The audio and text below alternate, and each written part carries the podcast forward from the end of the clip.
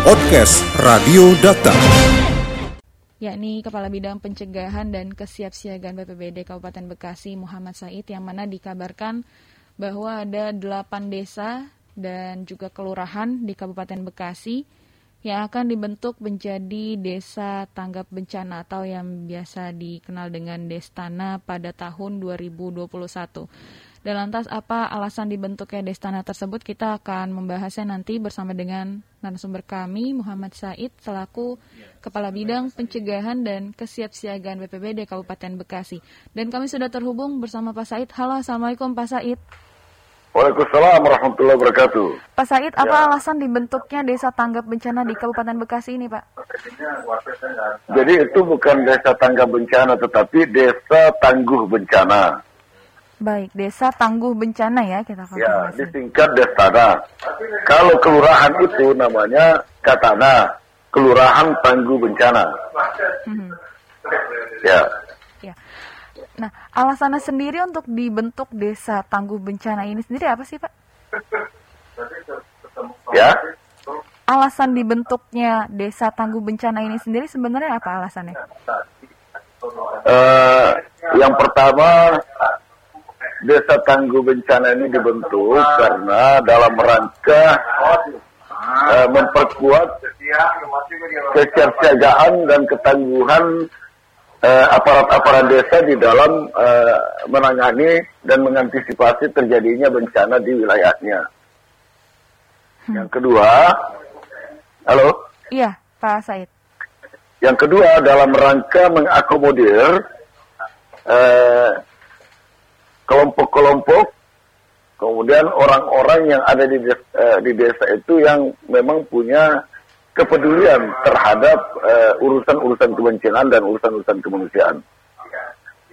Yang ketiga, eh, itu juga sudah menjadi program prioritas nasional yang diamanahkan kepada seluruh pemerintah provinsi dan kabupaten kota yang rawan terjadi bencana maka diamanahkan untuk membentuk destana dan ketana di wilayahnya dalam rangka ketangguhan dan kesiapsiagaan itu eh, mengantisipasi dan menangani bencana ketika terjadi.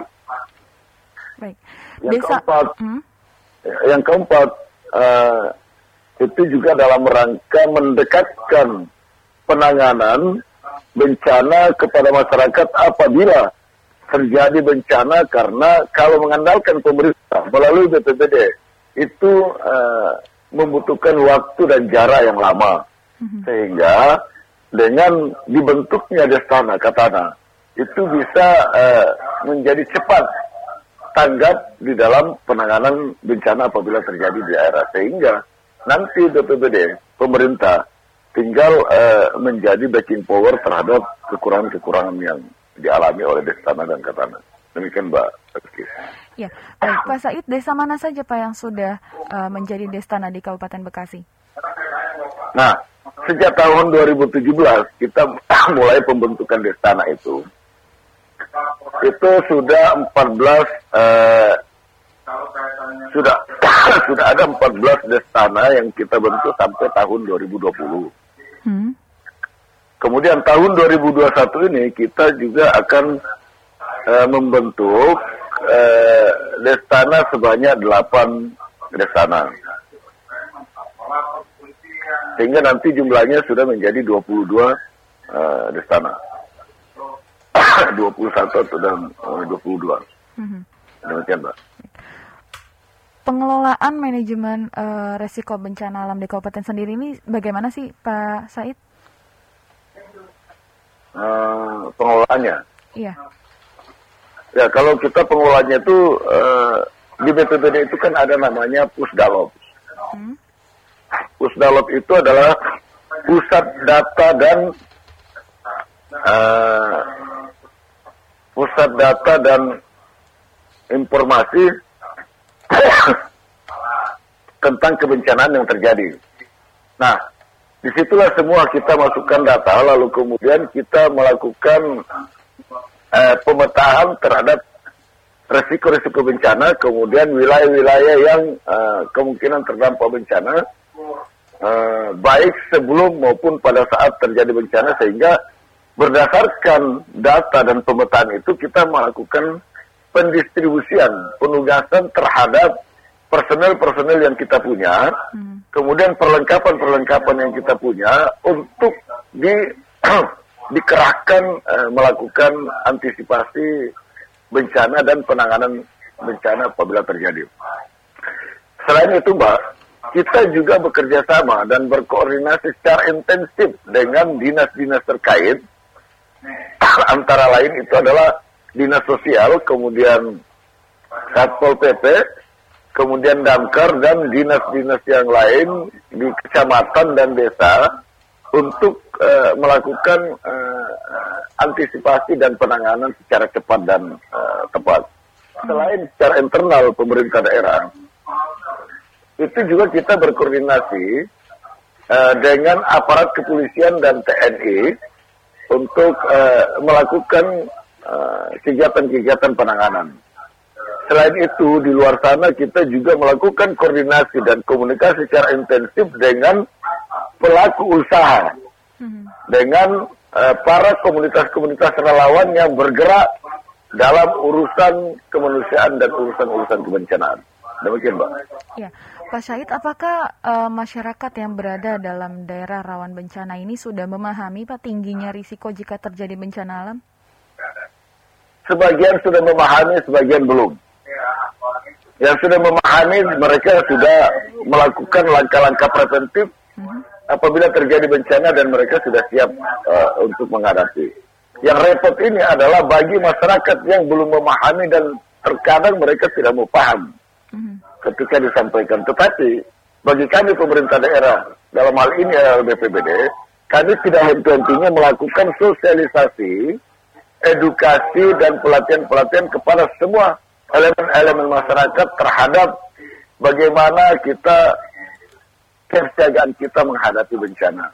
Bagaimana kita melakukan mitigasi mitigasi di dalam uh, menghadapi bencana sehingga uh, harapan kita adalah masyarakat sebelum bencana terjadi mereka sudah melakukan kesiapsiagaan, melakukan langkah-langkah preventif, melakukan hal-hal uh, untuk uh, menghadapi bencana apabila terjadi.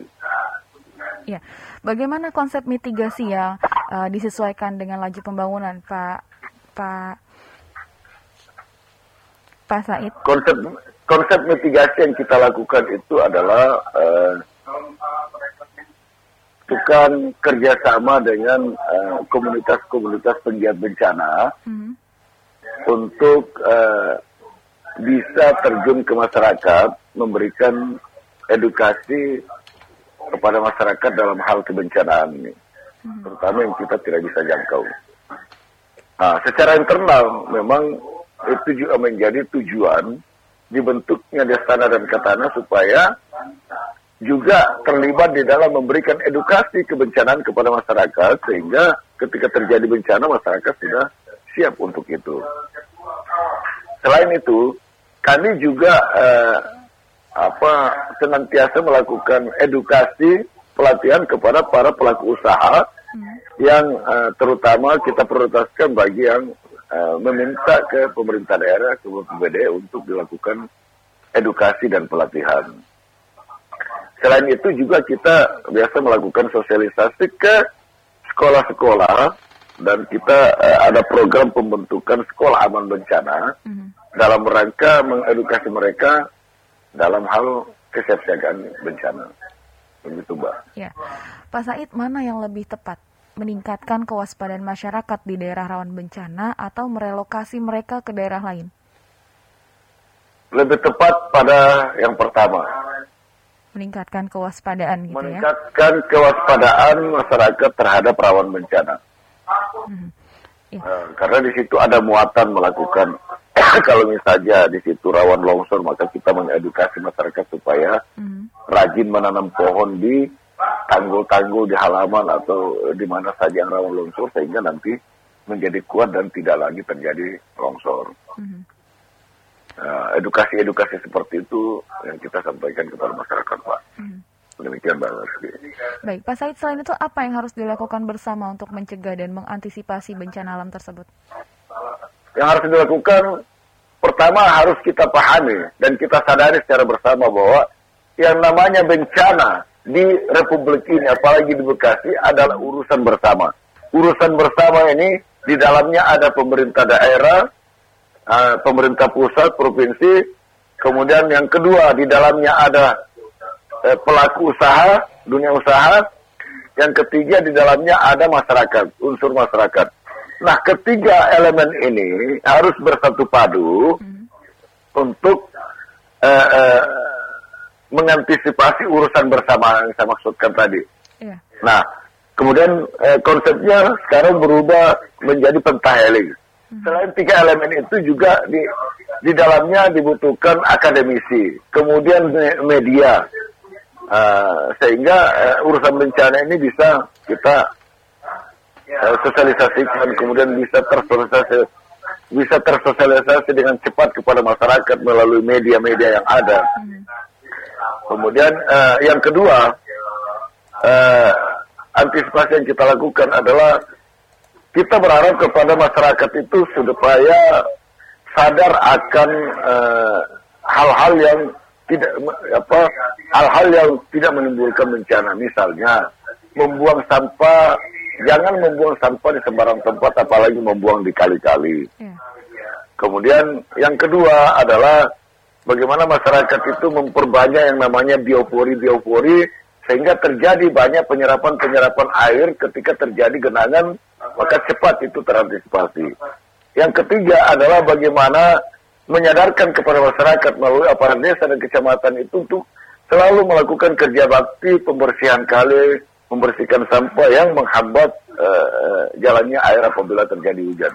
Baik. Kemudian kita mengedukasi juga masyarakat supaya banyak menanam pohon untuk penyerapan-penyerapan air dan sekaligus menguatkan tanggul-tanggul atau wilayah-wilayah yang, eh, yang rawan langsung sehingga terjadi penguatan di situ. Podcast Radio Data. Anda cukup masuk ke mesin pencari Google atau lainnya dan tinggal mengetik podcast Radio Data. Podcast Radio Data, aktual dan informatif.